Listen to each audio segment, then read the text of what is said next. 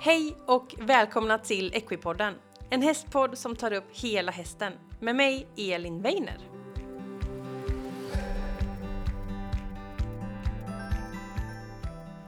Då var det onsdag igen och jag vill hälsa dig varmt välkommen tillbaka till ett nytt avsnitt av Equipodden. Det är jättekul att vara tillbaka och igång igen efter sommaren och det har tillkommit en hel del nya lyssnare så jag vill bara passa på att säga varmt välkommen till er och eh, tipsa om att följa Equipodden där du lyssnar och man kan också ge en recension när man lyssnar. Man kan ge så fem stjärnor om man lyssnar på Spotify eller på podcaster i Apple eh, iTunes. Och det är Eh, väldigt snällt om man skulle kunna tänka sig göra det för det kan hjälpa fler att hitta till den här fantastiska podden. Och jag vill också tipsa om att följa Equipodden på sociala medier för där kommer det upp lite mer material och lite mina tankar och sådär från eh, intervjuerna jag gör. Så kika in där, Equipodden finns på Instagram och Facebook.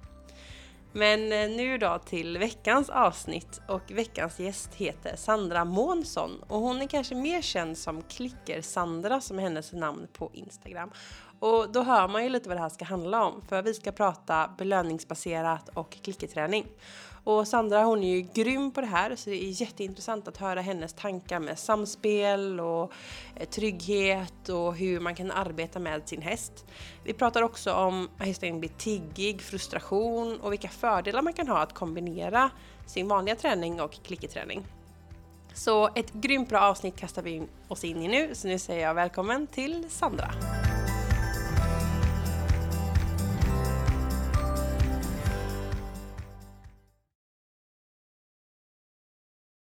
Hej Elin!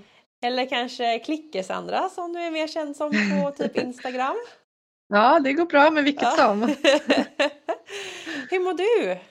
Jag mår jättebra. Jag ja. mår jättebra. Jag fick ett föl här i helgen så jag känner ja. att det är mycket, mycket ångest och spänning som har släppt nu. Ja. Så jag, jag mår toppen. Ja, och allt gick bra med det? Allt gick bra. Allt gick bra. Både mamma och bebis mår bra. Ja, det är så mysigt med förperiod. Men också som vi pratade precis innan här, det är så intensivt eh, att hålla koll på eh, allting när det kommer föl. Ja, ja visst. Vi har, vi har vakat ett tag och, och som sagt det är mycket, mycket oro för saker ska gå fel och sådär. Så det var himla skönt att allt bara flöt på, by the book hela vägen. Jätteskönt. Mm. När, nu när jag har outat ditt Instagram-namn så kan man ju ana lite vad det här avsnittet ska handla om. Fast man har väl säkert redan läst beskrivningen så det vet man kanske. Men du Sandra, du jobbar jättemycket med samspel mellan häst och människa och du mm. jobbar belöningsbaserat. Stämmer. Det är väl det som ska ringa in det här avsnittet lite granna och vi kommer väl komma in lite på den här klicken då som jag lärt mig nu är ett verktyg. Precis. Och eh, det här är ju något ämne som jag tycker är otroligt intressant som jag också sa till dig innan att jag kanske inte kan sådär superduper mycket om. Så det ska bli väldigt kul att få lyssna lite på, på dig och dina tankar kring det här. Men eh, jag tänkte att du kunde få börja med att berätta vem du är och hur du hamnade liksom där du är idag. Mm, absolut, det är ju en, en jättesvår uppgift såklart att berätta vem man är eh, på ett så koncist, kortfattat och tydligt och bra sätt. Um, Ja, vem är jag? Jag är eh, Linköpingsbo. Jag har en liten hästgård utanför Linköping. Jag är mamma, jag har två barn. Eh, jag har just nu sju hästar. Eh, lite, ja, lite för många. Eh, två av dem är föl. Mm. Nytillkomna. Eh, ja, det, det, det, det, drog iväg lite kan man säga. Eh, jag eh, jobbar också som ledarskapsutvecklare och det är ganska mycket min, min ingång också i hästvärlden och en anledning till att jag jobbar med klickerträning. Um, på min gård så har jag lite inackorderingar, jag har träningselever, medmänniskor som vi säger, mm. som, är, som är medryttare. Fast vi har inte fokus på ridning utan vi kallar dem för medmänniskor. Um, så jag har många järn i elden. Mm. Uh, jobbar även som samtalscoach, uh, framförallt för chefer och ledare. Just det. Mm, Men så det är, mycket lite, ledarskap. Ja, och det är lite utanför häst... Eh, Precis. Ja. Men jag hämtar väldigt mycket, väldigt mycket information, eller vad säger jag, inspiration mm. från, från hästvärlden in i mitt ledarskapsjobb och mm. från liksom, näringslivet och in i hästvärlden. Och det finns många eh, samband och erfarenheter som jag kan ha nytta av. Ja men verkligen, det kommer ju lite sådana artiklar med jämna mellanrum sådär. Framtidens chefer byggs i stallet. Alltså det är ju alltid lite sånt som dyker upp ja. på 50 år eller någonting. Precis. Så det är jättecoolt. Ja. Men nu kommer det sig att eh, det blev så viktigt för dig då med liksom ledarskapet och samspelet? Ja, jag vet faktiskt inte varför ledarskap blev viktigt. Det har nog varit en, en, en resa, eh, liksom yrkes, yrkesmässigt så. Eh, men det förklarar ganska mycket varför jag valde att, att gå en annan väg i mitt hästliv. Mm. Eh, jag började att rida som liten och red på ridskola mm. i många år som så många andra. En jättebra ridskola, en liten lantlig ridskola där hästarna ja. gick alla tillsammans i en jättestor flock i stora hagar och, och många var barfota och det var väldigt eh, ja, avslappnat och, och, härligt. Där fick jag min fostran. Men det var ju en traditionell ridskola där man, där man ja. red eh, med tryckeftergift och så vidare. Men där fick jag min fostran och sen eh, var jag borta från hästvärlden eh, i ganska många år när jag flyttade hemifrån, när, det var liksom, när jag var tvungen att betala för saker själv. Just det, när man insåg hur mamma och pappa var. inte betalade.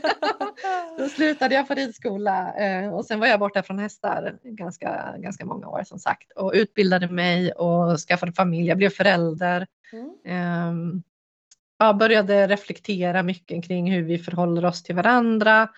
Um, ja, ledarskap till exempel, föräldraskap är ju, det är ju en typ av ledarskap. Verkligen. Sen fick jag för mig att jag skulle börja rida igen uh, och började på ridskola. Uh, tänkte att det här kan jag göra en dag i veckan och så kan jag uh, pyssla med alla mina andra grejer de andra dagarna. Det blir toppen.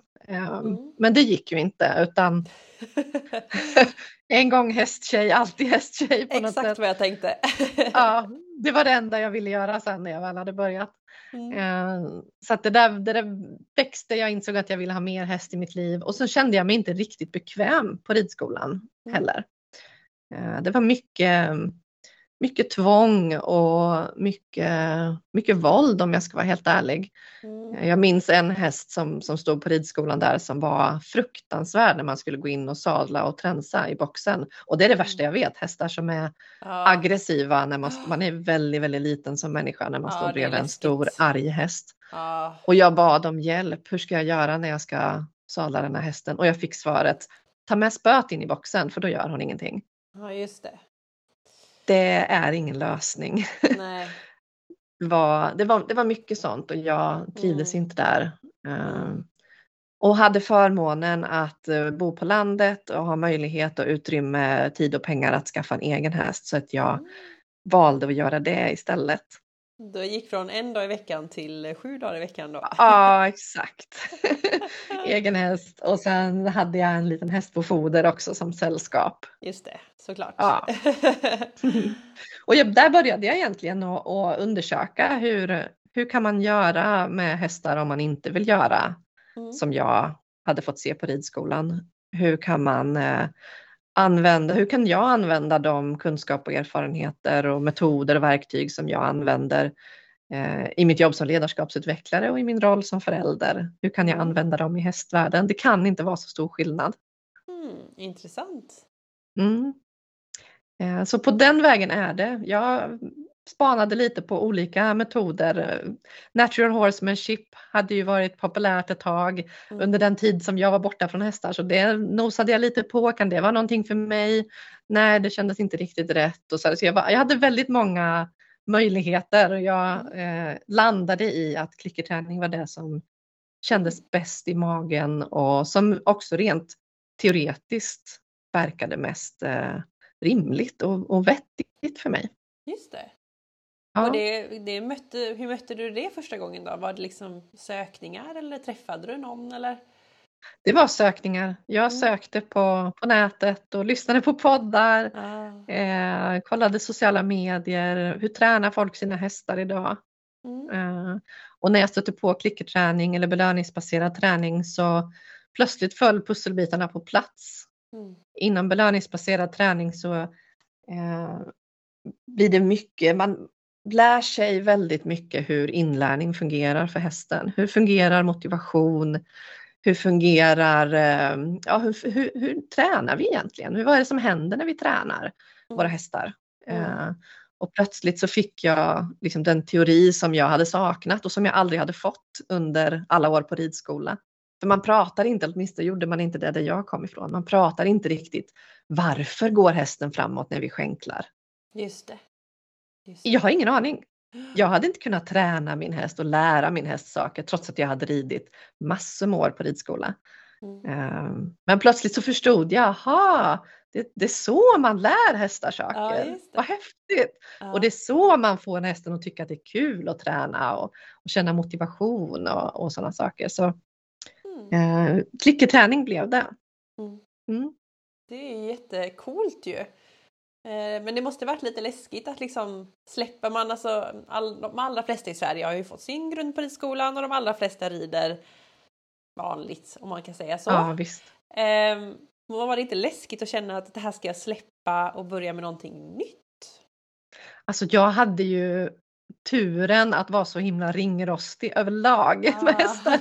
Då hade jag ju varit borta från hästvärlden och inte ridit och knappt träffat en häst på nästan 15 år. Mm. Så jag kom ju in som i stort sett ett blankt blad. Ja. Det är klart att jag hade jättemycket muskelminnen som vaknar till liv och, och, och gamla grejer och föreställningar som jag har behövt brottats med. Men jag hade inte så mycket prestige eh, och inte så mycket att förlora. Och, och jag var ju själv på min gård. Det var ingen som såg vad jag gjorde och alla fel jag gjorde liksom. Eh, och sådär. Och jag beundrar verkligen de som, som har en häst som rider med tryck eftergift och sen mitt i det där börjar ifrågasätta sig Mm. själv och börjar vilja göra på ett annat sätt. Mm. Börjar vara nyfiken, ta in nya sätt att göra någonting och liksom gör den resan Mm. med, med sin egen häst. Så, Mm. det måste vara så tufft och så mycket mod som krävs för att göra det. Mm. Så jag hade en ganska bekväm eh, liksom, Det var en bra övergång. övergång. Ja, det, det krävdes inte riktigt lika mycket mod tror jag, bara mycket nyfikenhet.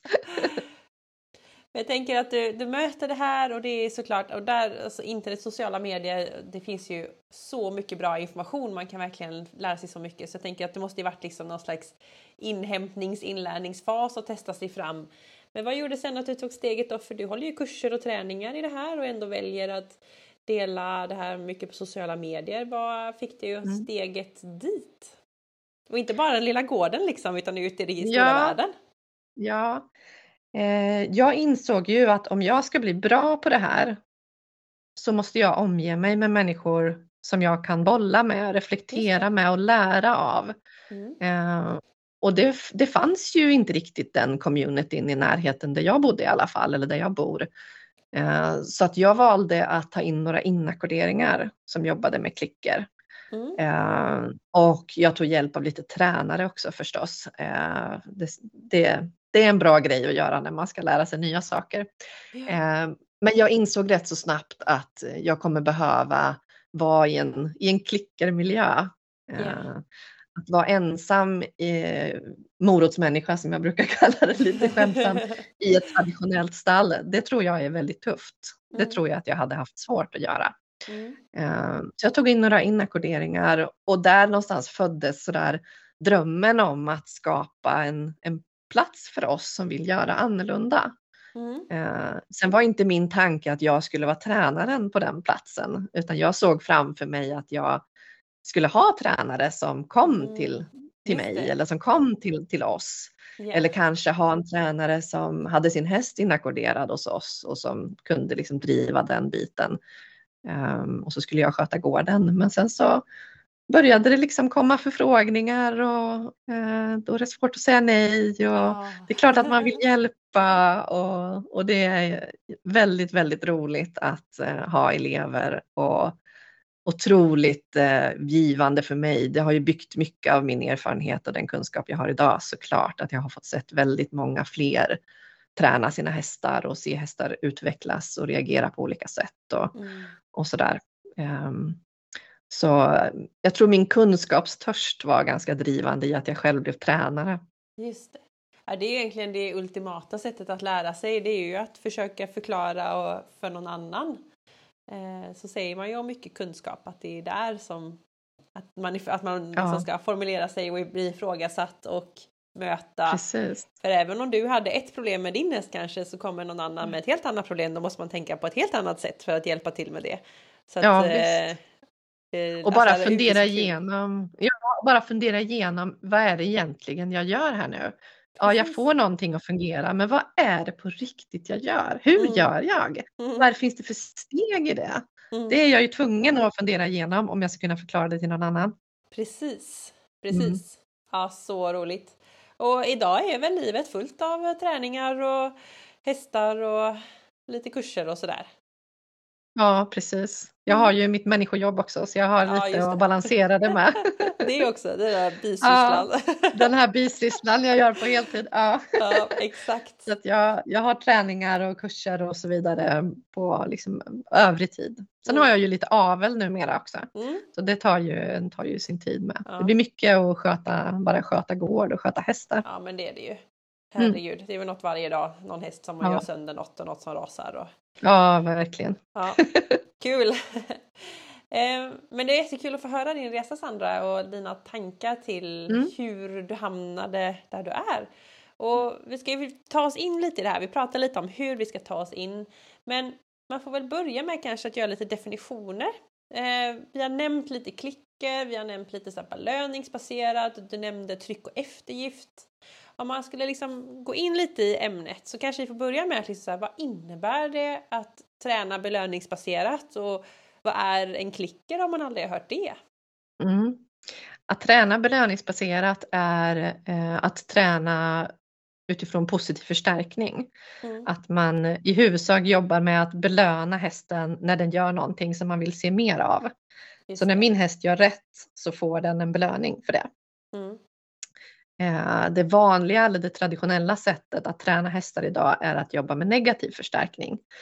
Eh, Och I de här definitionerna är det lätt att gå lite vilse. Man tänker positivt, negativt, bra, Ja, dåligt.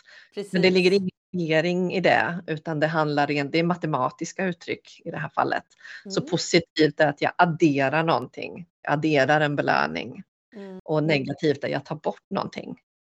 Eh, och det jag tar bort när jag jobbar med negativ förstärkning det är ju väldigt ofta ett tryck, ett fysiskt tryck, en skänkel till exempel eller ett Just tygeltag eller någonting. Så när, när hästen gör rätt så får den en eftergift, jag tar bort det där trycket. Och då får jag mer av det beteendet som jag, som jag har bett om genom Mm. trycket. Så jag förstärker beteenden för att få, få mer av dem. Mhm. Mm. Och då kommer man in lite på inlärning då. Ja, precis. Eh, Det här är ju en del av operant betingning kallas det.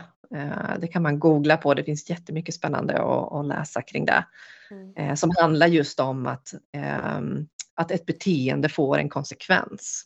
Just det. Mm. Och vi tränar, när vi tränar våra hästar så använder vi oss av operant betingning i någon form. Och jag föredrar att jobba i huvudsak med positiv förstärkning då, så att jag adderar en belöning. Sen kan det vara väldigt ofta en matbelöning så att hästen får någonting att äta. För att det är, det är smidigt, hästar tycker om att äta, de äter ju 16 till 18 timmar per dygn i vilttillstånd. Mm. Eh, och det, det, går, det går snabbt att belöna med och så vidare. Det går lätt att liksom eh, hantera matbelöningar. Mm. Eh, så väldigt ofta är det det. Men egentligen så kan det vara eh, vad som helst som är värt någonting för hästen. Just det. Eh, så mina föl tränar jag ju genom att klia dem till exempel. Ja, det brukar jag gilla. Ja. Det kan man göra ganska länge faktiskt. Men, Mm. men det är knepigt att använda kli som belöning när man kommer upp i mer, lite mer avancerade beteenden som i ridningen till exempel. Att, att stanna och stå och klia en lång stund. Och sen Mm. någonstans hamnar man ju också där i att den här lönen då eller belöningen, kliet i det här fallet eller vad det kan vara. Det måste ju vara värt tillräckligt mycket för hästen ska kunna utföra eller vilja utföra det här beteendet. Ja, precis. Mm. Precis. Och den motivationen är lite lättare att eh, skapa med matbelöningar då. Just det. Ja, Mm. Vi pratade lite innan här att jag klickar min hund lite grann. Så vi kommer Mm. säkert nämna min hund som exempel här. Men han eh, reagerar ju också mycket på när jag blir sådär glad och tjoar lite. Och då kan man liksom ruffa runt och busa lite. Funkar det Mm. på häst också eller är de inte så leksugna som en hund? Det är inte riktigt samma sak som en hund eh, enligt min erfarenhet. Men jag har ju väldigt mycket energi när jag tränar. Jag babblar hela tiden och Åh, du är så duktig! Ja, eller hur? Det Jag, jag låter ju som dåre när jag tränar mina hästar. Eh, men det måste man inte göra. Eh, Men de lär sig ju att koppla ihop det där. Det blir en typ av sekundär förstärkare. Att om du går ut till en häst i skogen som aldrig har sett en människa och så börjar du och ah, det är så duktigt, så förstår ju den ingenting. Den Nej, blir den- kanske rädd. Ja, eller hur? Låter Ja. väldigt konstigt där. ja. Men våra djur lär sig ju att det här, det, vår, vår energi och vår glädje och allting, det leder Mm. ju till någonting gott. Då får de ju matbelöningar och, och vi är nöjda, det blir härligt. Så det blir en sekundär förstärkare till slut. Att, Just det. ja, det här är någonting positivt. När hon låter så här, då är hon glad och då brukar jag få något gott. Liksom. Mm, Okej. Ja. Men oftast mat. Är det socker och hästgodisar eller är det typ hö? Ja, det beror egentligen på vad det är vi gör och vad det är för häst. Eh, hemma i mitt stall så har jag en lång, lång rad med såna här vita lådor, plastlådor, foderlådor. Eh, med massa olika typer av foder. Jag brukar kalla det för min växellåda. Eh, och det går allt ifrån höpellets som är min, min eh, låga växel. Som inte, höpellets är inte sådär jättegott för de flesta Nej. hästar. Det är inte, så- har inte så högt värde. Eh, och sen har vi lucernhack med lassfri Mm. lucernhack. Det är det jag använder oftast. Det Mm. funkar för de allra flesta hästar. Mm. Och sen har jag ju müsli som är lite godare och så har jag till och med havre som är Mm. supergott. Och så kan jag välja mellan olika belöningar beroende på om jag behöver tillföra lite extra motivation. Mm. Och man kan nästan jämföra det med om vi ska försöka liksom att hitta någon motsvarighet i tryck eftergift eller negativ förstärkning. Mm. Att om du skänklar din häst och så går den inte fram, ja då, då trycker du till en gång till och kanske med lite ökat tryck. Mm. Mitt ökade tryck är att jag ger lite godare belöning. Något annat mer värt. Ja, precis. Jag behöver ett, ett, någonting som ökar motivationen. Mm. Mm. Och vi ska prata mer om hur man gör det här men innan vi gör Mm. det så måste vi på något sätt prata om den här klicken också. Ja, absolut. Den är ett viktigt verktyg. Mm. Eh, klicken är en, eh, en markör eller en ja-signal eller rätt-signal eller vad man vill kalla det för. Eh, en markör som talar om för hästen exakt i vilket ögonblick den gör rätt. Mm. Exakt vad är det vi vill förstärka? Vad är det för beteende vi vill se igen? Just det. Mm. Så varje gång vi klickar så matar vi, eh, ger, ger, jag en matbelöning efteråt. Mm. Mm. Och det hästen lär sig med, med lite erfarenhet och tid är att det är det här klicket man ska leta efter. Det är det som leder till matbelöningen. Och det jag gjorde när hon klickade, det var det som var det var det, som gav det var magin. rätt liksom. Ja. Ja. Och man kan tänka lite så varför, varför ska jag ha det? Man behöver inte alltid klicker. Mm. Men jag har en, en, en, eh, ett av mina misstag jag gjorde när jag var ensam på den här gården. när det var bara jag och mina två hästar i början. Då Mm. använde jag nämligen inte klicker. Ehm, och så skulle jag träna min häst på att lyfta hovar för det var något som hon var lite seg med att göra. Mm. Så då lyfte jag hoven, jag kratsade och sen belönade jag. Mm. Jag lyfte hov, kratsade och belönade. Och efter ett tag när vi hade jobbat med det där så böjde jag mig ner och skulle lyfta upp hennes hov. Och då liksom väger hon över på hoven på den sida jag Aha. står, på den hov jag ska lyfta. Ja, Så hon liksom pressar ner den där hoven i golvet. Ja, ja. Vad fasen är det för fel? Vad är det jag har gjort då? Ja. Jo, jag har lyft hoven, jag har kratsat, jag har ju släppt ner hoven Ja, för att kunna belöna. Vad är det jag förstärker då? Jo, att hon står stadigt Ja. med alla fyra hovar i Det var mattan. neret som gällde liksom. Jajamän. Ja. Eh, så där behövde jag ju addera en klicker. Mm. Att lyfta hov, kratsa, klicka, släppa hov och mata. Mm. Just det. Är du med då på? Ja, verkligen. eh, Och det där ja. är ju klurigt för det gäller verkligen att tänka till. Vad är det jag belönar för någonting? Ja, verkligen. Mm. Så i en sån här liten eh, klickerloop eller belöningsloop så finns det egentligen två förstärkningstillfällen. Det är dels själva klicket som Mm. hästen lär sig är någonting bra och sen är det matbelöningen. Så det Mm. är två tillfällen att hålla koll på att hästen Mm. faktiskt gör rätt.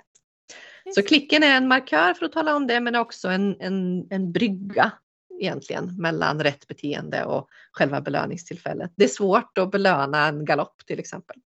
Ja. I farten då måste vi göra det. Då får du Då springa kan jag klicka, göra halt och mata. Ja, just det. Ja. Mm. Intressant. Och det är, om man inte sett en sån så brukar det vara en sån där liten grej som man har i handen med en knapp på och då låter det så. Mm.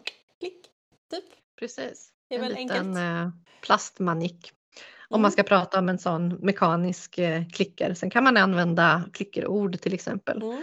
Jag har eh, min första häst som jag fortfarande har kvar säger jag tack till. Ah, det är liksom klicket. Ja, precis. Mm. Så att det behöver egentligen inte vara det här mekaniska klick, eh, klickljudet mm. som man kan köpa på djuraffären, den lilla mm. apparaten. Den är väldigt bra för den ger ett så distinkt ljud som inte mm. liknar någonting annat. Precis. Och alla, alla kan träna din häst med den klicken. Den, den sök, hästen kommer inte söka efter just ditt, din röst eller just ditt sätt att säga tack eller vad det nu kan vara. Så den, den är superbra men det finns andra typer av markörer att använda. Man måste inte låsa sig, man kan vara lite... Nej, ibland är det ju skönt att ha händerna fria och kunna bara säga någonting istället. Precis, precis. Mm. Um, och här då kommer vi in lite på så här, vad är det för någonting, vad gör vi egentligen och när kan vi använda det? Om man tänker mm. oss så här att vi har en häst som kanske aldrig har gjort det här innan eller som dina föl till exempel eller en ung häst som mm. kanske gått på sånt där härligt bete i alla år. Och så ska man tänka liksom så här, vi ska börja med det här. Vad, vad gör vi för någonting? Hur börjar man och varför gör vi de sakerna? Mm. Eh, du nämnde din hund förut och hur ivrig ah. han blev när du började med klickerträning. Eh, och det är någonting som det är lätt att underskatta. Jag tror nästan alla eh, som börjar träna belöningsbaserat underskattar det här. Mm. Eh, men man blir snabbt vis av erfarenhet. Eh, det mm. gäller att börja eh, hantera det redan från start. Den här otroligt starka motivationen som växer i hästen av att få fler belöningar, utföra fler beteenden. Hela träningen blir så otroligt positivt laddad och så rolig och de blir så ivriga.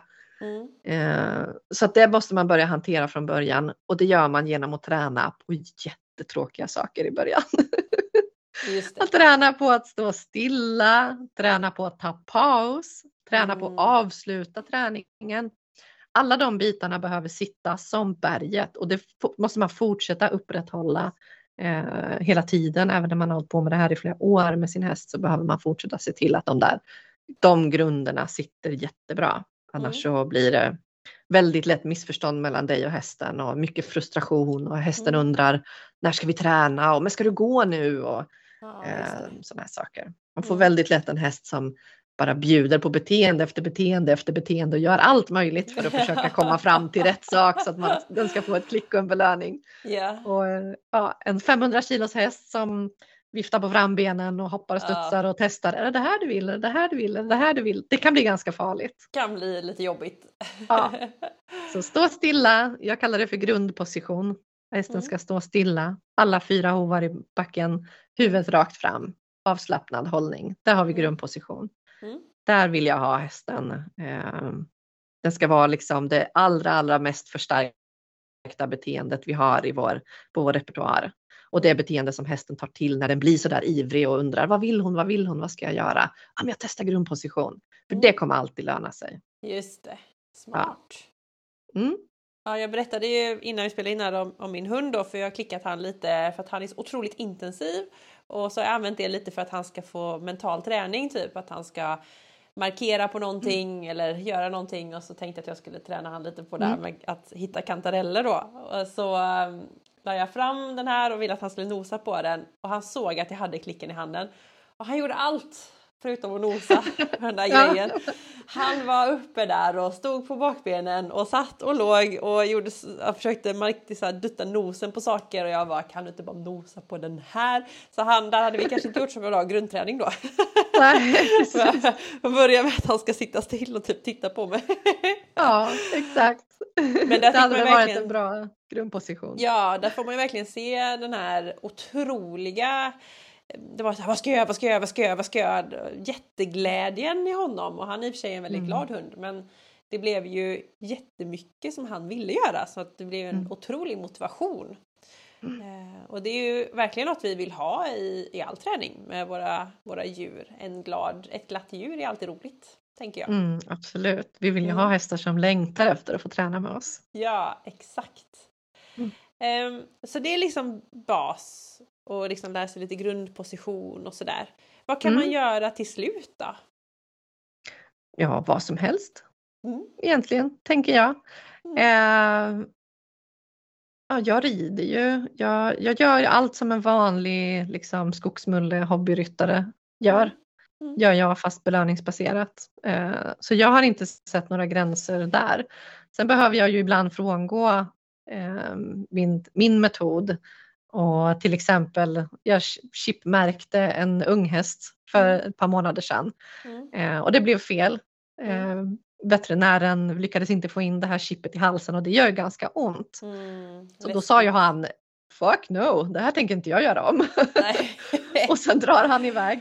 Ja. Då, tänk, då står ju inte jag där och, och jobbar belöningsbaserat och försöker övertala honom med morotsbitar att han ska Mm. genomlida det här en gång till. Mm. Då får jag ju, då får jag ju liksom eh, ja, ta i. Det känns ju inget kul men Mm. eh, ibland behöver jag i, ja. ifrångå det. Ja. Och jag är inte intresserad av att tävla men eh, jag tänker att det, det vore väl superspännande om någon ville testa och tävla belöningsbaserat. Mm. Jag vet att det finns en del som sysslar med bland annat olika västerngrenar där man faktiskt får belöna med mat även Ah. under tävling och, och sådär. Så även detta kan man göra. Mm. Så Mm. man kan verkligen göra vad som helst då. Ja, det tycker jag. Det tycker jag. Sen finns det alltid en, en begränsning i att hästen måste ju vilja det här. Mm. Belöningsbaserad träning bygger jättemycket på hästens frivilliga Mm. deltagande. Om vi kan få lov att använda ordet frivillighet när vi pratar om träning, för det är klart att det är manipulation, all träning i någon form. Men om vi, vi ursäktar det nu då, Mm. eh, så kräver det en viss frivillighet av hästen. Och det finns ingen häst som frivilligt skulle utsätta sig själv för kraftiga risker till exempel. Nej. Eh, om man ska fundera lite kring en fälttävlansbana till exempel, Mm. där hästarna rider i rasande galopp över fasta hinder. Ehm, det tror jag skulle vara svårt kanske att göra belöningsbaserat. Mm. Just Mm. det. Ehm, och det finns inga gränser och allting, det är samma väg dit liksom på något sätt. Att du vill hitta ett beteende och belöna beteendet. Eller? Du pratade om den här loopen. Ja, precis. Eh, Det finns ju jättemånga olika vägar för att nå fram till det här beteendet. Mm. Vi kan försöka att fånga hästen när den gör någonting per automatik eller den gör det för att det ingår i hästens vanliga beteende. Om vi vill träna in ligg till exempel, ja men ta med hästen till en eh, liten sandhög när den är svettig. Den, visst kommer den att lägga sig ner då. Ja, och då kan jag det. ju vara snabb där och belöna det. Passa på. Eh, och sen utgå från det. Eh, Mm. Det kallas för att man frishapar någonting. Mhm. Eh, eller så kan jag försöka och fånga upp någonting som, eller utgå från någonting som hästen redan kan. Mm. Ehm, och sen så försöker jag forma det vidare till någonting, någonting annat i slutändan. Mm. Jag hade en träning med min ettåring igår. Eh, han ska premieras. Nu det, ska vi se, inte nu i helgen men nästa helg. Så han ska åka lastbil för första gången i sitt liv. Ja. Eh, och så tänkte jag hur ska jag kunna träna på det? För jag har inte lastbilen, jag ska hyra den. Mm. Så att vi har inte möjlighet att träna med lastbilen. Ja, det första han kommer behöva göra där det är ju att kliva upp på rampen. Ja. Så vi behöver träna på att han ska stå på någonting. Mm. Så drar jag fram en lastpall som vi har med en skiva över som, som hästarna brukar stå på. Och sen föreslår jag för honom att han ska kliva upp på den. Nej, det vill han ju inte göra. Det är Nej. ju jättekonstigt att Ja. stå på en lastpall liksom. Nej, det tänker jag inte göra. Eh, då la jag ut en handduk på, på marken. Och så fick han kliva på den. Det var ju mycket, mycket lättare än att stå på Mm. lastpallen. Mm. Så kliver jag på den och så klickar jag belönar. Han får kliva ner från handduken och så upp igen. Ah, vad duktig du är! Klicka Ja. belöna och sådär. Och han förstår ju att den här, att här stå på den här handduken, Ja. det, det är bra. Mm. Och sen la jag upp handduken ovanpå lastpallen. Mm. Ah, jag stod ju på den. Det måste Mm, betyda att det kanske den. kan löna sig. Ja, det kan löna sig att stå på den även om det är en lastpall under. Ja, Då klev han ju upp på den. coolt. Vad duktig du. Och så kunde jag ta bort handduken och så klev Ja. han upp på lastpallen. Det är ju att liksom shapea eller forma fram ett beteende från, Mm. från någonting annat. Vi börjar med ett beteende och slutar med ett annat. Just det, en väg Mm. framåt. En väg framåt, ja precis. Och det handlar jättemycket om att bryta ner det tänkta beteendet i liksom, Mm. vad finns det för delbeteenden eller Mm. vad finns det för steg eller delmål i det här som vi kan Mm. identifiera och så träna Mm. på ett i taget. Mm. Eh, och så. Det. Det tycker jag är det, det häftiga med belöningsbaserad träning. Mm. Att liksom tänka ut ett beteende. "Ah, Jag vill lära min häst det här och jag vill lära min häst att kliva upp på lastpallen. Nej, men han kan inte det bara från en, Nej. från en stund till en annan. Precis. Hur kan vägen se ut? Hur kan jag göra det tydligt för honom? Hur kan jag arrangera miljön eller plocka fram eh, rekvisita eller Ja. bygga på beteenden han redan kan? Vad kan jag använda mig av för klossar? Eh, liksom byggklossar för att komma fram till, till mitt Precis. önskade slutbeteende. Det är en jättehäftig utmaning hela tiden och, och så se vad funkar och, och Ja. vart, vart går vi bet och vad händer liksom. Precis. Det är jättekul. För det är ju lite så här, ibland så dyker det upp typ på Instagram någon film och så är det någon som springer med sin häst lös och springer den så jättefint bredvid och så, så vänder sig människan om och bara lyfter upp händerna så stegrar hästen tänkte man. Hur tusan fick hon den dit? Ja. Eh, för det är inte så att hästen liksom om jag står så här bara stegra så kommer hästen aldrig göra det utan det är en jätteväg dit liksom. Jag fattar det. precis. Eh, och det är ju väldigt intressant det som du beskriver hur man liksom okej man ska få hästen att stegra vilka små block ska jag plocka ner och Mm. lägga upp min plan. Det blir väldigt Ja. planerad träning. Vad ingår i, vad behöver hästen ha för förmågor? Vad ingår i det? Att springa bredvid varandra, stanna, stegra. Precis. Eh, ja, Det är inte så lätt som man tror, inte när man ser det nej, färdigt nej. på, på Instagram. Men ehm, det är ju liksom en liten resa dit och jag tänker jag måste bara fråga, för vi pratar om godis och mat. Finns Mm. det en risk att det blir tiggigt? För det är så jobbigt när man träffar hästar som ska ner i fickorna och buffa på en och, och hålla på. Mm. Eller vad är din erfarenhet kring det? Eh, det finns en risk för att det blir tiggigt. Mm. Eh, den risken behöver vi mitigera redan från början. Det var det jag var inne på eh, lite grann, det här med grundposition, träna på pauser, att det är tydligt för hästen. När tränar vi, när tränar vi inte? Ofta blir det tiggigt eller buffligt när hästen inte vet hur den ska göra för att komma till klick och belöning. Mm. Ehm, och det ligger på oss tränare att vara tydliga. Eh, och om hästen inte förstår det och blir nafsig i, i träningen, ja då måste jag backa tillbaka och fundera, var blir jag otydlig här? Hur kan jag bli tydligare? Mm. Ehm, sen finns det mycket kring det här med liksom, värde. Jag var inne på min växellåda förut, värdet på belöning. Vi Mm. säger ofta lite slarvigt att vi belönar med godis. Mm. Men det är väldigt få som tränar belöningsbaserat skulle jag tro som faktiskt ger hästgodis. För det ligger ju väldigt högt i Ja. växellådan. Det är väldigt, väldigt, väldigt gott. Eh, Så man ska belöna med någonting som är ganska tråkigt. Mm. Eh, Jag gillar lucernhack då igen som jag nämnde. Det tar också lite tid för hästen att tugga. Så då köper jag mig en extra minut eller två medan hästen tuggar.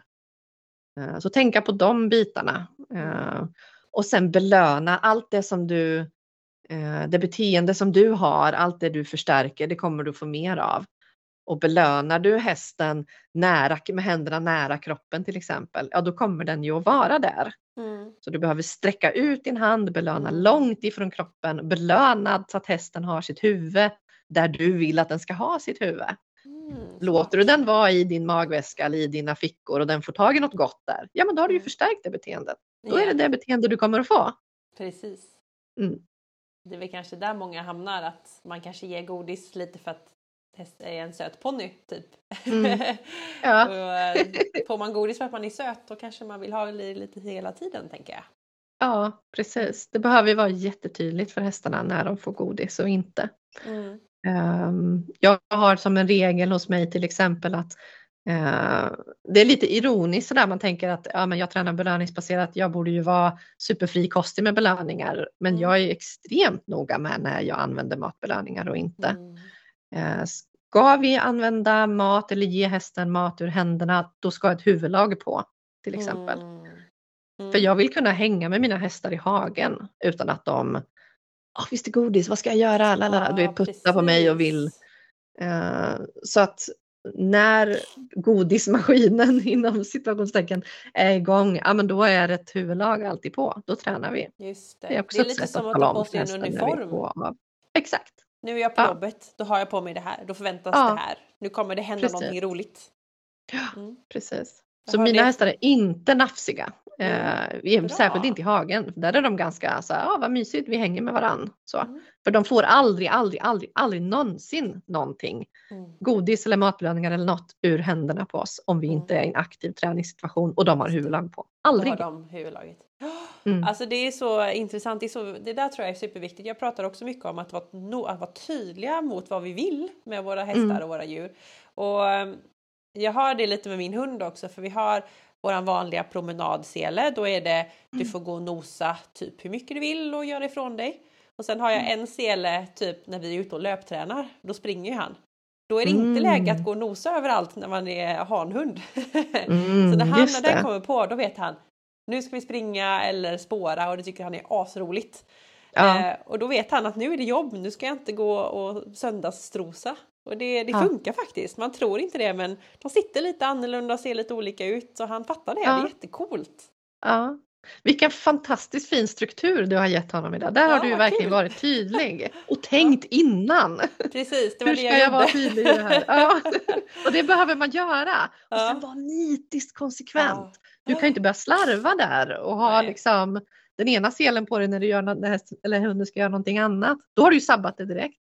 Precis, Så blir det förvirring. bestämma sig för en struktur och sen hålla sig i den som en, Mm.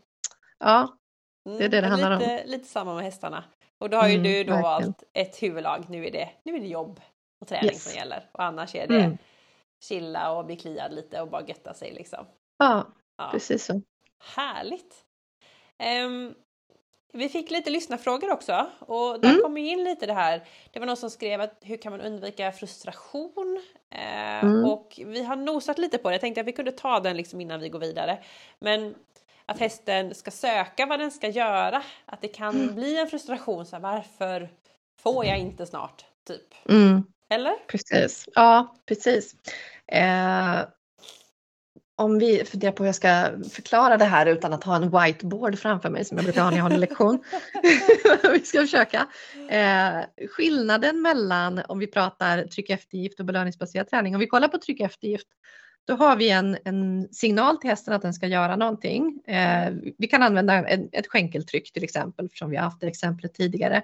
Mm. Så vi har en signal, ett skänkeltryck, sen har vi ett beteende, hästen svarar på det och börjar skritta. Mm. Eh, och sen ger vi en eftergift. Det är Mm. eftergiften som är magin här, det är det som talar om det eftergiften som talar om när hästen har gjort rätt och det är Just det. eftergiften som leder till förstärkningen. Sen är ju hästen i sin förstärkning hela tiden. Ja, Den kommer ju fortsätta och, och skritta ja, förhoppningsvis. tills den förhoppningsvis, det är tanken. Tills, tills, den kommer, tills du ger den en ny signal. Mm. Titta på det där i den belöningsbaserade träningen istället så har vi en signal. Säg att eh, om vi ska, jag säger till mina hästar när de ska skritta till exempel. Mm. Sen har vi ett beteende, de börjar skritta. Mm. Sen klickar jag och belönar. Sen, sen är ju liksom förstärkningen slut. Sen har ju hästen Ja. ätit upp sin är Då det vill ju hästen komma runt igen. Den vill ju komma till nästa, nästa belöning. Hur ska jag få Ja. nästa grej? Liksom? Ja. Och där uppstår väldigt lätt frustration. Vi är så vana vid att jag ger en eftergift och sen har jag tid på mig att sitta och fundera på vad jag vill göra härnäst. Mm. Men hästen kommer att ställa nya frågor. Vad ska jag göra Mm. nu? Vad ska jag göra nu? Vad ska jag göra nu? Mm. Och när vi inte svarar på dem eller inte ger några direktiv eller nya signaler eller någonting, då uppstår frustration. Ja. Där får vi också väldigt lätt nafsiga hästar eller hästar Ja. som blir eh, buffliga eller, Just eller bara ledsna och inte vill vara med. Mm. Går iväg. Det här var inget kul. Just det. Och hur ska man Mm. tänka då? då? Eh, Man ska tänka på, man pratar, brukar prata om att träna sömlöst. Eh, Mm. Det handlar om att när vi har belönat hästen med någonting så måste vi omedelbart ge en ny signal eller nya direktiv vad hästen ska göra.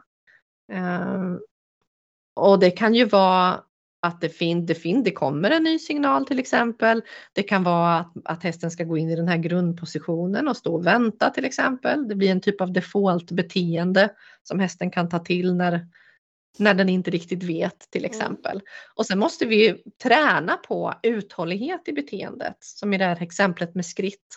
Mm. Eh, tränar man belöningsbaserat så måste vi träna aktivt på att kunna hålla skritten en längre Precis. tid. Uh, och det är utmaningen väldigt ofta uh, när man tränar belöningsbaserat. Det är lätt att få till nya, nya grejer hela tiden. Mm. Men att ha uthållighet i något. Jag ska stå stilla här länge. Mm. Jag ska skritta här länge. Mm. Uh, det behöver vi träna aktivt på. Um, för, för hästen är ju inte som när man tränar med tryck eftergift. Och den är liksom inte i sin förstärkning tills vi stör dem igen eller vad man ska säga med ny signal. Det, utan det. det är lite annorlunda där. Det blir en liten kullerbytta i huvudet. Verkligen, för det blir ju, alltså man kan ju inte göra ett, eh, ett kommando då, skritt då eller trav mm. och sen så går hästen tre steg och så är träningen slut. Det blir ju, ja. då kommer man ju ingenstans. Precis så. Eh, ja, vad intressant. Men mm. är det, blir det längre mellanrum att hästen, att du startar igång, om vi tar skritt och startar igång hästen och så blir det längre tills klicket kommer? Att hästen mm. då fattar, eller hur, hur gör man? Eh, jag jobbar mycket med eh, koner på backen eller mattor på backen. De är en typ av visuella signaler så hästen ska gå till den. Så säg att jag står med min häst och så ger jag en skrittsignal. Eh, hästen börjar skritta. Så står det en kon 10 meter längre fram. Mm. Det är en visuell signal som säger kom hit och dutta på mig eller kom hit och ställ dig på mig om det är en matta. Mm, och då går hästen. Då får jag ju en uthållighet i beteendet. Hästen vet precis vad den ska göra, den vet vad den, ska, vad den är på väg. Den mm. vet att när jag kommer fram hit så kommer det en klick och en belöning så hästen är ganska nöjd. Mm. Eh, och så kan jag träna på det, utöka och utöka och, eh, och testa längs vägen och göra halt och ge en ny skrittsignal så hästen också får in det och sådär. Eh, men jag behöver någonting som hjälper, hjälper till och hjälper hästen att förstå att ah, jag ska hålla det här beteendet längre. Mm.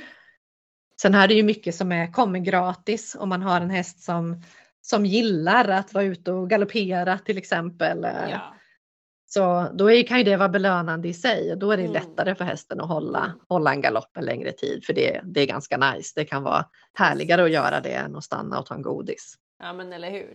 Och det är väl ja. när man är ute i skogen också och skrittar på lång tygel så, jag, så tycker de ju oftast det är väldigt roligt att gå och titta. Ja. Det är inte så många, ja ibland kan de väl stanna men oftast brukar de ju gå på. Liksom. Ja precis, så man, man ska, vara, man ska vara lite vaken på vad hästen bjuder på mm. av sig själv mm. också. Smart. Mm. Um, jag tänkte att vi skulle småbyta ämne lite granna. Mm. För um, det här är ju superintressant.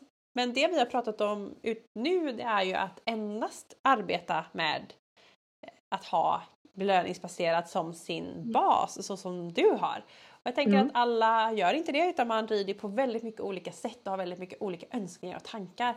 Så, mm. så min fråga är väl egentligen så här, Går det att kombinera om jag till exempel är dressyrryttare? Går det också att arbeta belöningsbaserat? Eh, mm. Eller måste man gå all in? Eh, man måste inte gå all in. Eh, det är min bestämda åsikt. Mm. man måste absolut inte gå all in. Eh, man kan testa och klicka-träna lite grann. Många börjar kanske när hästen står i sjukbox. Jag har några sådana elever just nu just som har en häst i sjukbox och ja, vad, ska, vad ska vi göra? Han blir helt tokig av att stå ja. här. Så, ja, så börjar vi klicka-träna. Det är ju på intet sätt så att det de har gjort utanför klickerträningen är förstört eller att de inte kan återgå till det. Och vi ser att hästarna har väldigt stor Eh, liksom, man får väldigt stor positiv effekt av att klickerträna lite grann. Mm. Eh, det stärker relationen mellan häst och människa och hästarna tycker det är kul och de får använda andra delar av sin, sin repertoar och utforska mycket mer och vara mycket mer i det här sökarläget som är så belönande yeah. för, för yeah. hästarna. Och, så att eh, jag tycker inte man ska vara rädd för att testa klickerträning eller testa träna belöningsbaserat. Liksom av det skälet att så här, men då måste jag kasta bort allting som jag har gjort innan eller då kan jag inte göra det här. Och det tycker jag är jättesynd. Eh, man behöver inte gå all in. Och om vi tänker lite på hur vi faktiskt ehm, Alltså hur, hur världen fungerar så är det ju så att vi har saker är, det här går i varandra. Mm. Vissa saker är positivt förstärkta, vissa saker är belönande, vissa saker är, negativt förstärkta. Det, är, det går i varandra. Vi ska komma ihåg att det här med operant betingning och positiv och negativ förstärkning. Det är en teoretisk förklaringsmodell. Precis. Eh, och i praktiken så är det hästen som bestämmer vad som är belönande. Jag kan ju ha tränat in en galoppfattning med negativ förstärkning. Men sen rider vi upp för en backe och hästen tycker det är skitkul. Mm. Ja men då är vi ju kanske inne i positiv förstärkning där det är belönande. Så det, det går i och ur varann hela tiden i det där. Och, och tänker man utifrån det så har jag väldigt svårt att se att man skulle vara tvungen att gå all in på belöningsbaserat. Mm. Just Mm. det. Och det kanske finns då fördelar att, att använda flera metoder och att lägga in kanske lite klickerträning i sitt, ja, sitt andra ridning eller sin vardagliga absolut. ridning kan säga. Det är en superbra problemlösare om inte annat. Mm. Om jag har en häst som är svårlastad till exempel eller jag har en häst som blir jätterädd när veterinären kommer och ska vaccinera en gång varje år. Mm. Jättejobbigt för hästen och jobbigt för oss människor att behöva Ja.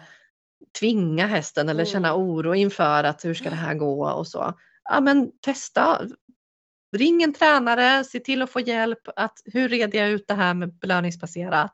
Hur rustar vi oss för det här? Då är det en super, super bra metod att problemlösa just det. Sen kan du fortsätta göra som du vill. Mm. Men ett litet varningstecken för att du kommer tycka det är skitkul. Ja, och så kommer du vilja fortsätta och testa. Kan man inte träna det här? Kan jag göra det här med klicker? Och så. ja. Men eh, ja, nu har jag varnat er. ja, men det är bra. Men jag tänker att det, alltså man får väl... Jag tänker lite så här hybridträning liksom. Att det, Mm. För det finns ju inga begränsningar. Att man kanske kan hitta massa spännande vägar. Det är kanske någon som lyssnar på det här som tio år sitter och bara så här. "Ja, jag började med det då. Och har liksom kommit på något helt annat sätt. eh, Att kombinera på sådär. Det är skitcoolt tänker jag. Ja, verkligen. Jag tycker det är viktiga när vi, alltså det att vara, att vara nyfiken, våga testa, vara öppen för hur andra gör. Mm. Är det här någonting som jag kan anamma? Och det finns delar av det här som jag kan ta till mig och, och testa. Och hur kan det passa mig och, Mm. och sådär. Och klickning är fantastiskt roligt och Mm. hästarna tycker att det är fantastiskt roligt. Mm. Eh, Och det är ju väldigt mental stimulans också. Ja, verkligen. Det är, det är superbra. Det är, inte en, det är inte en slump att det är många som kikar på klickerträning när hästarna står i box eller sjukbox som jag nämnde förut. Nej, men Eh, precis. För det är, de kan bli väldigt, väldigt trötta av en halvtimmes klickerträning för att det är Mm. så eh, utmattande eller utmanande för hjärnan. Så att det kan vara Ja, men- bra nog träning. Ja men precis och det tänker jag Mm. är liksom jätteviktigt att tänka så, att ha olika verktyg och olika faser i livet på något sätt. Om jag får en skada, ja men gör någonting annat en stund då och kanske kan man hitta Mm. vägar som sagt att kombinera. Ja, Ehm, absolut.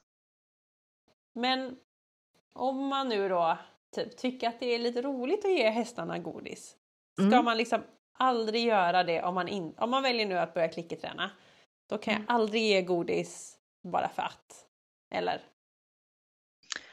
Ehm, Jag skulle säga att du gör det på egen risk då. Det är ju mycket att jag vill ju inte hamna i en situation där jag behöver säga nej, stopp, nu vart det jobbigt, Mm. du får gå bak, du fel. När hästen gör ju bara det som är förstärkt. Jag har ju förstärkt att hos mig, i mina händer finns det Mm. godis att få. Mm. Det är ju ett beteende jag förstärker hela tiden, att hästen Mm. får stå hos mig och få godis. Vi Mm. lär ju den att det är Mm. okej. Mm.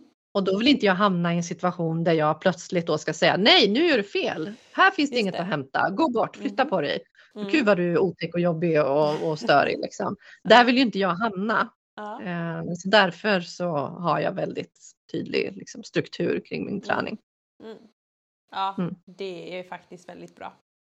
Sen är det olika för olika hästar. Jag är ju mer noga med detta med min ettåring som jag som tränade lastpall igår än jag är med mitt 17-åriga sto som har Mm. tränat så här i, i många år och är Mm. världens bästa elevhäst och supercool och Mm. har fullständigt excellenta grunder eh, eftersom jag började med henne och Ja. hade bara en, hade bara henne länge. Så det märks, hon är liksom bäst tränad. Henne, ska jag slarva med någon så är det ju med henne, det får inga större konsekvenser. Men, Nej, eh, just det. mm. Nej, men så är det ju med tiden också. Liksom. Ja. Eh, Visst, så är det. Och hon vet att det är så här vi tränar. Hon tänker inte att, gissar jag, låtsas jag att jag vet vad hon tänker, men hon tänker ju inte då, om jag får kosta på mig det. Att så här, ja den här godisen jag får nu, det är, det, mm. det är den sista godisen jag får. Nu måste jag be om mer för sen, sen när det, sen det kör. Hon vet ju att det här, det här är en del av hennes vardag. Ja. Vi kommer alltid träna så här. Hon kan gå ut och käka och hon kan strunta i mig för att mm. Det, här, jag, jag, det här kommer snart igen. Jag får mer imorgon eller så där. Hon är väldigt mm. lugn i det. Mm. Just det. Men använder du liksom det här blir ju för dig en livsstil, jag förstår det. Ehm, men är det liksom allt ifrån att gå från hagen och in och ut ur box och stå uppstallad om man ska borsta eller hovslagen kommer, präglas allt det mm. av den här eh, posit- eller belöningsbaserade positiva förstärkningen? Eh, ja, det präglas av det. Eh, helt klart. Jag binder ju aldrig upp mina hästar till exempel. Mm. Eh, jag vill att de ska stå lösa och ha, känna att de har möjlighet att gå, gå därifrån om, jag, om de inte skulle vara bekväma med någonting. Mm. Um, och det, det är en, ett, ett sätt för mig att veta att de ger sitt samtycke till det vi gör till exempel. Mm. Sen har ju inte jag, om jag ska flytta en häst från, från en hage till en annan, det är inte säkert att jag tar på mig magväskan och plockar fram en klicker då. Mm. Jag vill att alla mina hästar ska kunna ledas eh, mm av vem som helst. Om mina hästar rymmer till exempel. Precis. Bort till, till, till grannbonden. Då måste mm. ju han kunna fånga in dem eller utan att det, det ska hänga med liksom en, en, manual runt halsen på dem att han måste ha en, en klicker och mm. så. Eh, så att i de här enkla vardagliga eh, hanteringsgrejerna, det löser ju jag utan att ge dem mm. belöningar. Men mm. Men det bygger ju på att jag har tränat dem belöningsbaserat. Jag använder väldigt sällan grimma och grimskaft till exempel. Mm. För att jag har tränat in hand-target. Mm. Vilket är att de ska följa mina händer. De mm. tänker på mina händer som magneter. Så om mm. jag håller upp en öppen hand så går de mot den. Mm. Och då kan jag liksom visa med min hand vart de ska gå. Och det gör de ju oavsett om jag ger dem en godis eller inte mm. efteråt. För det är, det är så vi gör bara. Just det. Det är någon slags ja. grund acceptans ja. eller vad ska man säga ja. så? Att de bara så, ja men nu hänger vi med här. Precis, det är så förstärkt sen innan, det är inget konstigt och de vet att följer jag med matte här nu så leder det till någonting härligt. Det brukar det göra så att ja. då gör de det. Så att ja. det, är inte så, det är inte så komplicerat. Men det är klart att allting präglas av att det är mm. tränat, eh, mm. intränat eller inlärt med positiv förstärkning. Mm. Mm. Vad kul! Men jag tänker, alltså det här har varit ett jättehärligt samtal Sandra. Nu har vi pratat på som vanligt ganska länge. Tiden går otroligt fort. Ja. Ehm, men om man nu lyssnar på det här och så känner man bara wow, det här verkar jätteroligt. Jag vill ge mig in i det här. Mm. Kan man, alltså hur börjar man? Kan man börja själv eller bör man ta hjälp? Jag tycker det är väldigt bra att ta hjälp. Mm. Eh, jag tror att det är få av oss som har lärt oss rida och umgås med hästar från början eh, utan att ha en tränare att hålla i handen. Mm. Eh, det finns jättebra förening i Sverige, mm. belöningsbaserad hästträning i Sverige. Mm. Eh, som man kan googla på, BHIS.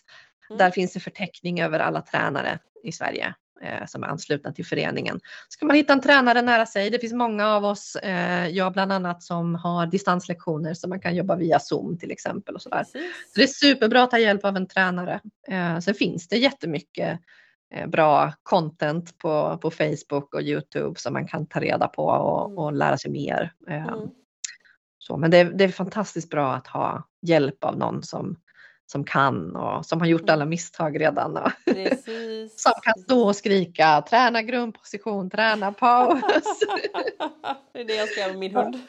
ja, precis. Ja. ja, och så tänker jag liksom att man hittar någon tränare också som kan liksom hjälpa en kombinera om det är ett problem jag vill eller om jag vill kombinera med mitt vanliga eller det jag redan gör eller om jag vill göra allting helt. Det, det får man ju också hitta någon tränare som kan stötta i det tänker jag. Ja, absolut. Jag tror att det är få av oss som, som går all in från början. Jag tror att det är mm. väldigt få. De flesta tror jag börjar lite grann och man vet inte riktigt vart det ska bära av. Och, mm. eh, jag skulle gissa att det är så att mm. väldigt stor andel av dem som, som tränar 100% belöningsbaserat, om det nu är någon som gör det, eh, som hade den ambitionen redan från dag ett. Nej. Det är någonting som, som växer fram och som mm. man testar sig fram med och som man trivs med och som, mm. som man vill fortsätta med. Ja, Ja. härligt. Eh, har vi pratat på i snart en timme. Mm. Eh, och eh, jag tänkte att vi skulle runda av. Jag tycker det har varit ett jätteintressant avsnitt. Väldigt roligt och eh, också lite, man får lite så här aha-upplevelser. Eh, jag som gör lite det här med hund då, så jag ska testa Ja. lite mer med häst. För det var en sak du sa som var väldigt roligt att, att eh, när klicket blir så är liksom då övningen slut. Eh, och där har jag ju, jag måste ju dela med mig av det också en, en liten sekund där. Med min hund så har jag ett kommando när han ska gå bredvid mig för han är ju så extremt nosdriven, han är ju en spårhund så han vill nosa på allt. Mm. Så jag har ett kommando när han ska gå bredvid mig utan att nosa, typ vi ska, vi ska gå lite. Ibland vill man inte gå och nosa liksom var femte sekund liksom. Eh, och då säger jag det till honom och då går han där och när jag är nöjd så säger, ber jag säga varsågod eller bra eller ger en godis och då är det slut. Och Mm. ibland kan jag ge en godis och så säger jag det här kommandot direkt igen så fortsätter han ju gå med mig. Mm. Eh, och för mig kom jag på det att när jag gav en godis så kastade han sig ner i diket för han ville nosa. Mm. Eh, och om jag ville gå lite till och ändå ge en godis kom jag på att jag måste ju säga kommandot igen. Men Mm. när min sambo kom in i bilden så fattade inte han det så han kunde gå med hunden och ge det här kommandot så gick hunden jättesnällt och så gav han en godis han tyckte, och hunden kastade sig i diket. Jag bara, men gud vad gör han? Jag bara, men du måste ge kommandot igen! Ja. Va? Bara, kan inte bara fortsätta? Nej, det är slut liksom. Det var så, det var så otroligt tydligt. Eh, Ja. Det är väldigt, Jättebra alltså en häst, exempel. ja, en häst med 500 kilo blir jobbigt om den gör något helt annorlunda men en hund på 30 kilo är helt okej att liksom, han kastas ner i diket. Det blir Mm. nästan lite roligt för att han tänkte att nu ska jag nosa ikapp Ja. när jag gått 50 meter utan att få nosa liksom. Ja. Eh, det var väldigt roligt att du sa det för jag blev sån här, och det är exakt så som Precis gick till för Ja, oss. Han, eh, ja, han insåg ju det, min, eh, min sambo, att just det, jag måste ju, när jag ger den här godisen måste jag säga kommandot igen så att vi kan Mm. fortsätta gå lite. Att vi, kommer, att vi kommer ett varv till liksom. Och, Precis, ja. vi, vi behöver gå lite till. Ibland behöver man gå också när man är på promenad och inte bara nosa. Exakt. Ja, Men det kan man säga när det handlar om att träna hästar. Så där, det där kan kännas som att det är onödigt i början om man har en traditionellt tränad häst. Mm. Ja, men min häst gör inte så. Jag, jag ger den godis och sen, Mm. sen är den nöjd med det. Mm. Och, och så så jag, det, är inte, det är inte så viktigt det här. Liksom. Mm. Jag har en häst som inte gör så. Men jag lovar dig, fortsätter du att klickerträna så kommer förr, förr eller senare så kommer hästen att börja ställa de här frågorna och, och börja göra som din, din hund gör. Då. Ja, ja, så Eh, Så roligt. ta hand om det redan från början och säkra upp att du tränar prydligt och med struktur från början så blir det aldrig ett problem. Ja men precis. Ge, man behöver Mm. tänka lite och där är det ju som bra kanske att ta hjälp av en tränare. För det är onödigt att gå i fällorna, typ som, Ja. eh, som min eh, fästman gjorde då. Att han Ja, precis. kom tillbaka från promenaden och bara "Nej, det går ju inte. Bara. Ja. ja. ja men så roligt Sandra. Eh, om man nu tyckte att det här var jätteintressant då kan man ju gå in på den här hemsidan och hitta en tränare. Vad, säg den Mm. igen. Vad heter den? Eh, BHIS kan man söka på, BHIS. belöningsbaserad hästträning i Sverige. Undrar om det är bhis.com eller något sånt där. Mm. Eh, så finns det en jättebra Facebookgrupp som heter Ja. klickerträning av häst eller någonting. Mm. Klick, ja, sök på klickerträning på Facebook så finns det en det jättebra grupp där med massa roligt. duktiga personer som man kan fråga och, och Mm. ladda upp videoklipp och få återkoppling på och sådär. Mm. Så det finns mycket resurser. Kul! Och om man tyckte att just du var intressant då kan man väl följa dig också?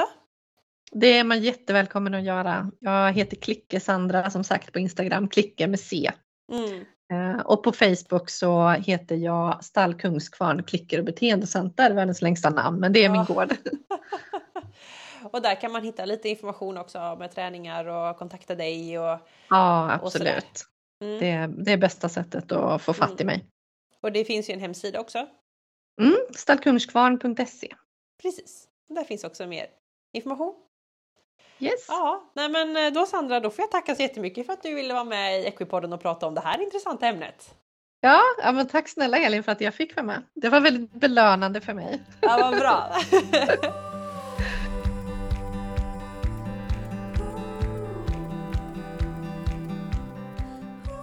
Ja, alltså vilket härligt avsnitt. Stort tack Sandra för att du vill vara med i Equipodden.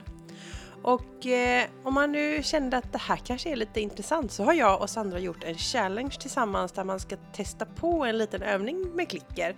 Och den kommer komma upp på våra Instagram. Så gå gärna in och följ Equipodden på Instagram och Facebook och kika där för där kommer det som sagt komma upp en liten challenge här om bara någon dag eller två som man kan testa och göra lite klicker och lite belöningsbaserat eh, hemma.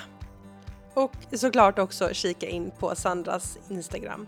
Och eh, jag glömde säga det introt men jag var ju lite förkyld när vi spelade in det här så jag får be om ursäkt för eventuella snörvel och även nu att jag låter lite annorlunda än vad jag brukar göra. Men jag är på bättringsvägen. Nästa vecka så är det dressyr som gäller när en väldigt intressant ryttare kommer in i podden där hon kombinerar eh, fritt att rida utan träns och sadel med att tävla på högsta nivå. Så det avsnittet vill man inte missa. Och så länge så får jag önska dig en fantastisk vecka så hörs vi snart igen. Hej då!